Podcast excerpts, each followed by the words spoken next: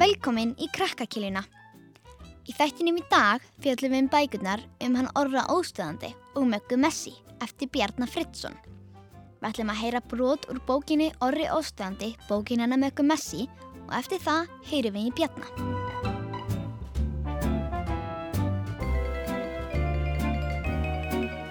Og síðust en ekki síst, númer tíu er engin önnur en Magga Messi. Um leið og kynningin gall í hátalarkerfinu spretti ég inn á völlin við gríðarlega fagnaðalæti áhóranda á Hásteinsvelli. Ég stilti mér upp við hliðin á liðsfélagunum mínum. Allsæl yfir að draumurinn minn um að fá að spila með landsliðinu á orkumótinu í vestmanæginum hefði ræst. Þegar búið var að kynna alla leikmennina röldi besta fókbóltafólk Íslands Gilvi Sig og Sara Björk inn á völlin til að hilsa upp á okkur. Ég fekk stjörnur í augun og gæsahúð um allan líkamann þegar þessir snillingar gripu í höndin á mér og óskuðu mér góð skengis. Ég var sko aldrei að fara að þó hægri hendina aftur eftir þetta. Leikurinn fór frábæla á stað og sóttu bæði lið án afláts. Hraðinn var það mikill að boltinn þauð á milli vallarhælminga líkt og við værim að spila borðtennis. Mörkin letu hins vegar á sér standa, enda frábærir markmenn í báðum liðum sem björguðu oft og tíðum stórkostlega.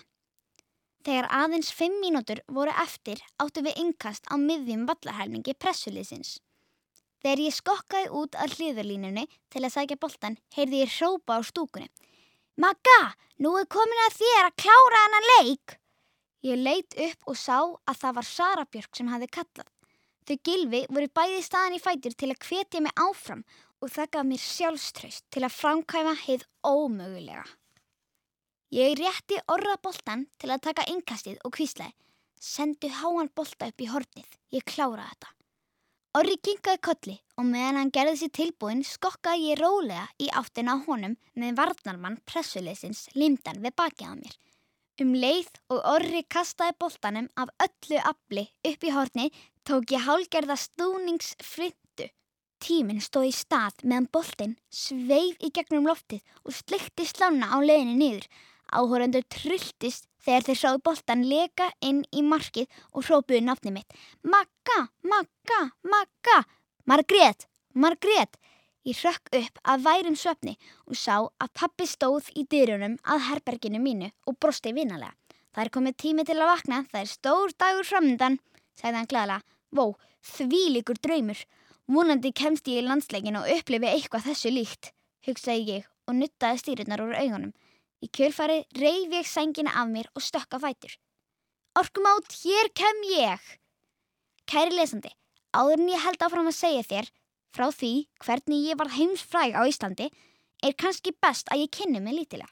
Ég heiti Sumsi Margrét en er aldrei köllu neitt annað en Magga eða Magga Messi þar sem ég gjörsamlega elskan fókbólta og mörgum finnst mér svipa til fókbóltakappans Lionels Messi á vellinum.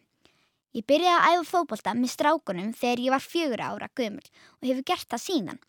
Það hefur aldrei verið neitt mál en það er í styrlu í fókbólta og strákaðir bestu liðsfélagar sem hægt er að hugsa sér. Fyrir rúmi ári byrjaði ég að spila með stælpunum líka og það er búið að vera sjúglega skemmtilegt. Fyrir utan einn bandóðan bleikþjálfara sem reyndi að slasa mig en ég segi þér betur frá þeirri vittlisu síðar í bókinni. Ég á marga goða vini eins og Orra og Tómas sem þú kannast kannski við. Stúðir stelpunar og liðinu orðan mjög goða vinkonum minnar. Sérstaklega Dagmar, Ingun og Sara. Ég veit að Orri er búin að stelast til að segja nokkra sögur af mér í bókunum sínum en það er allt í læg því ég er svo snjall og uppáttækja sem að það er úr nógu af móða. Ég er bara glöð að hafa getað hjálpað vini mínum honum orra að vinna bókaverlin barnana. En fyrst hann fekk þau, þá vil ég sko að fara að vinna Óskarinn, Nobelsverlunin, eða hvað þetta nú heitir fyrir bókina mína. Hún er nefnilega algjör bomba og líklega besta bók sem nokkur tíma hefur verið skrifið.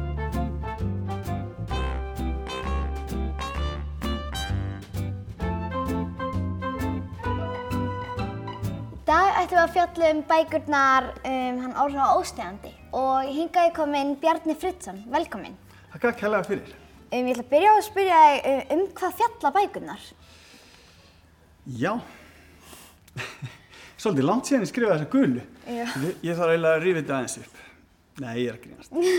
Sko, bækurna fjalla sem sé um orra óstöðandi, sem er bara svona vennilegu strákur, uh, svona íþróttastrákur, sem er svona pínu svona hrættur við ímislegt og til þess að takast á við svona hræðsluna eða óttan eða þegar hann vantar sjálfstyrst eða eitthvað, að þá breytir hann sjálfum sér í svona ofurheiti útgáða af sjálfum sér sem heitir orri óstöðandi.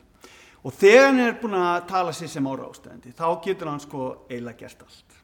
Og besta vinkonans, sem er hérna framan á líka, hún Magga Messi, Já. hún er síðan svona allt öðruvís en hann. Hún er alveg til í allt og gerir allt og er svona mjög hugrök og, og svona kokki, svona kjarkmikil og svona.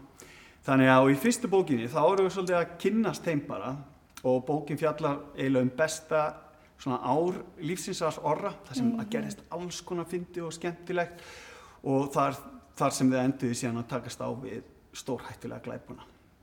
Já, svo í annari bókinni þá er svona svolítið svipaði gangi og þeirri fyrstu Magga og Orri er að lendi í ótrúlegum ævintýrum og alls konar skemmtilegt og fyndið og vandralegt og kannski hættulegt að gerast.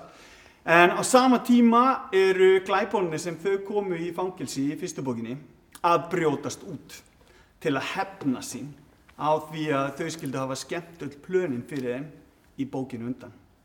Og seinasti kaplinn, hann heiti sko Alen heima og það er svona vísun í skemmtilegu bíómyndina Home Alone, Ó, kannast ekki já. Já. þar sem að þau fyrir ótrúlega tilvíljun eru alen heima á sama tíma og glæbáninu brutist út úr fangilsinu til þess að hefna sína á þeim og þau þurfa að bjarga sér út af þeim málum. Já. Og rauðabókin nýjasta, það er að þeir krakkar sem eru búin að lesa bæði gulu og lágrænu, þau vita það að Magga Messi er bara með rosa mikið sjálfströst og hún er sko, segir frá því hennu tveim bókunum að hún geti svo, svo sannarlega að skrifa sína eigin bók og svo bók verður sko miklu betri en bækunarnas orra.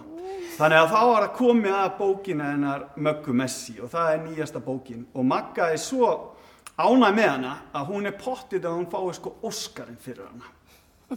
Þannig haldið að það gerist. Það verður erfitt, Já. Það væri gaman sko. það verður gaman Já.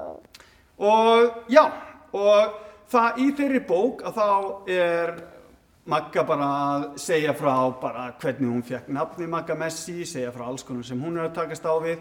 Og inn í þeirri bók er hún að svona glíma við mjög erfitt lit sem kemur frá breyðablík og er stjórna bandóðum blíkaþjálfara sem er svona stór hættulegur og ætla sér að gera allt sem hann getur til þess að sigra Möggu Messi og þannig verður svona loka.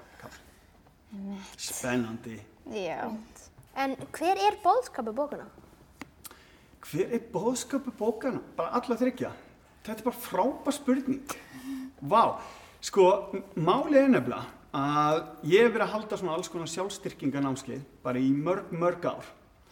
Og ég skrifaði fyrir mörgum árum bók sem heitir Öflugi strákar og sonu minn sem er núna 14 ára gamall, hann fekk bókin hendur alveg sjúklega spenntu, bara fyrsta bóki sem pappan skrifaði og allt það. Og fór inn í herbyggju og byrjaði að lesa. Og svo svona viku setna þá spurði hann hvernig hann gengið með bókina. Og hann svaraði mér að ekkert svakalega vel. Ég sagði hvað finnst þér hún ekki góð og eitthvað? Og hann sagði hún er ekkert sérstaklega skemmtileg. Og svo sagði hann það mætti líka vera fleiri myndir í henni þannig að bóðskapið þessa bóka er raun og veru það sem ég er að kenna á námskeiðunum mínum bara hvernig þú getur fengið meira hugrekki hvernig þú getur tekist á mótlæti hvernig þú getur byggt upp þe- þitt eigi sjálfströst og svo er hún líka bara, er það svo ótrúlega skemmtilegar að það er að vera svona með flottum myndum þannig að það er að vera svona hvetjandi fyrir krakka til að lesa Já. Hvað er skemmtilegast að við að skrifa fyrir krakka? Sko, það sem að mér finnst lang skemmtilegast þegar ég er að skrifa þessa bækur er að það getur allt gest. Og þegar maður skrifa fyrir krakka að þá reynir maður að hafa þetta svolítið létt og skemmtilegt og ævintýrríkt að því að krakkar að þau einhvern veginn eru ennþá sko trúa að geti allt gest Já. meðan fullorðnir eru svolítið alvörugefnir, er það ekki? Já. og þeir svolítið svona bara minka svona sjónasvið þeirra meðan krakkar eru svo bara opnir og finnst allt svo spennandi og þau eru einhvern veginn til í allt. Þannig að þá getur maður láti bækuna vera svolítið svona ótrúlegar. Og bækunum mínar er ekki sammála því að gerist margt skrítið og margt ótrúlegt og margt bara eitthvað ha, gerðist þetta? En þú veist, þegar maður er krakkið og er að lesa það þá finnst maður bara eins og Magga hún fekk, þau voru að fleita kettlingum og steinni skust óvart og rakaði bara hérna svo ennið af henni í fyrstu bókinni og þá fór hún bara að krúnræka sig og það var bara ekkert mál og það er svona, og krökkum finnst örgulega bara já, þetta er nú bara mjög eðlilegt að gera þetta sko. Er það ekki? þannig að, og það er svona já, bara svona margt svona æfintilegt og svona maður getur látið allt gerast og það Hva- er það sem mér finnst svo skemmtilegt Ég veit hvað annar myndir þú gera það myndir koma svona bara rönd Já.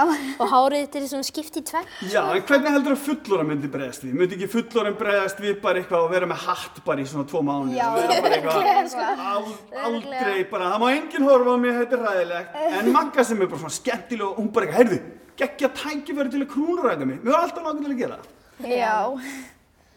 En ég mitt, Rjóðstöfundir er hérna æfir handbólta, ég mitt.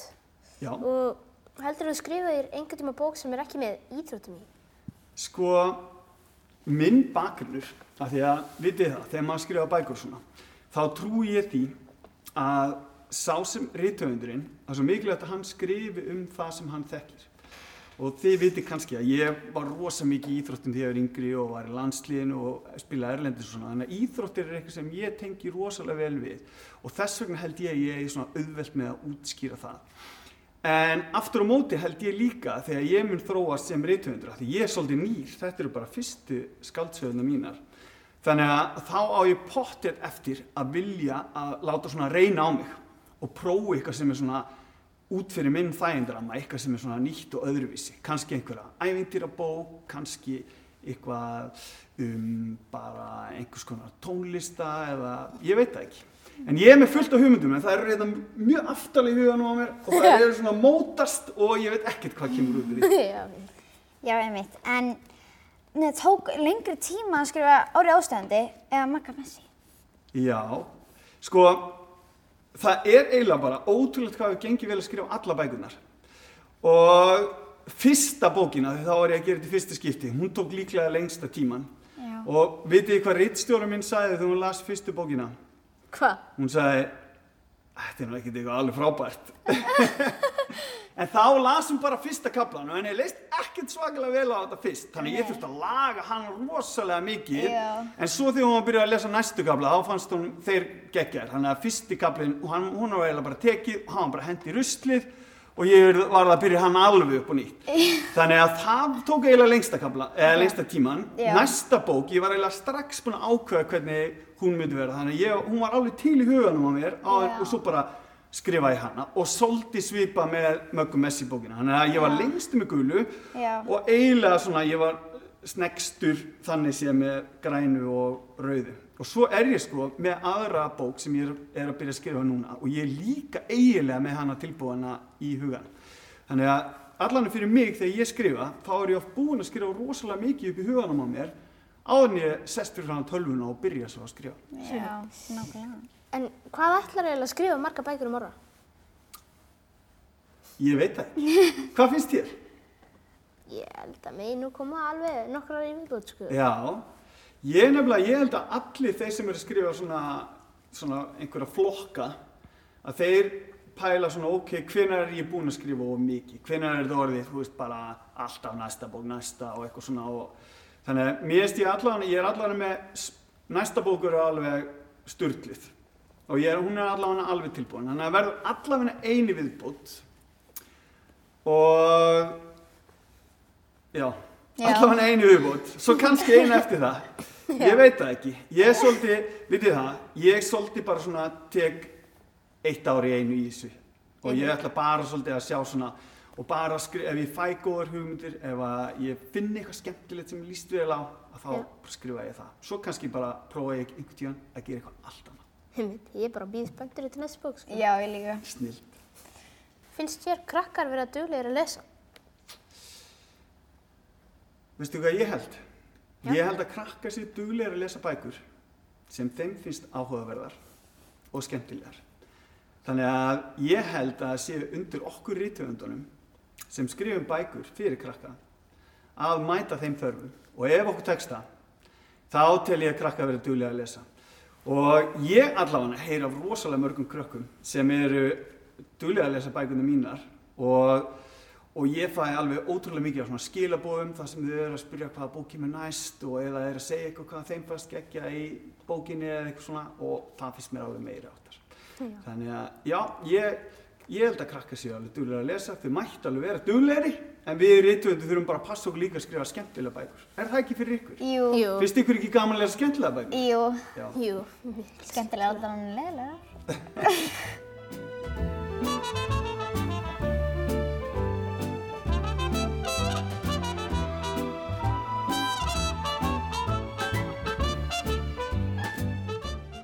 Guðrún Helgadóttir fættist í Hafnafyrði í september 1935. Þar ólst hún upp í stórum sískinhópi. Hún gaf út sína fyrstu bók, Jón Odd og Jón Bjarna, árið 1974 og hefur upp frá því verið einu vinsalasti og virtasti barnabókahöfundur Íslands. Bækurnar um Jón Odd og Jón Bjarna fjalla um uppátækja sama tvíbra sem lenda oft í því vandræðum og um þá var síðar gerð kvikmynd. Guðrún skrifaði einni leikriti óvitar sem gerist í heimi þar sem börnin fæða stór og eiga verið að duglega að minga og þroskast. En þó að fullanda fólkið sé verið mjög lítið, hugsaði mest um sjálft sig og vinnu myrkrunum milli. Og þá taka vinnindi Finnur og Guðmundur málinn í sínar hendur. Leikriti hefur marg oft verið sett að svið við miklar vinsaldir. Guðrún hefur alltaf skrifað bækuna sínar af mikilli virðingu við börn og þær bera alltaf góðan borðskap. Margar bóka hennar hafi verið þýtt á erlend tungumál og hún hefur unnið fjölmörg velun fyrir skrif sín bæði á Íslandi og erlendis.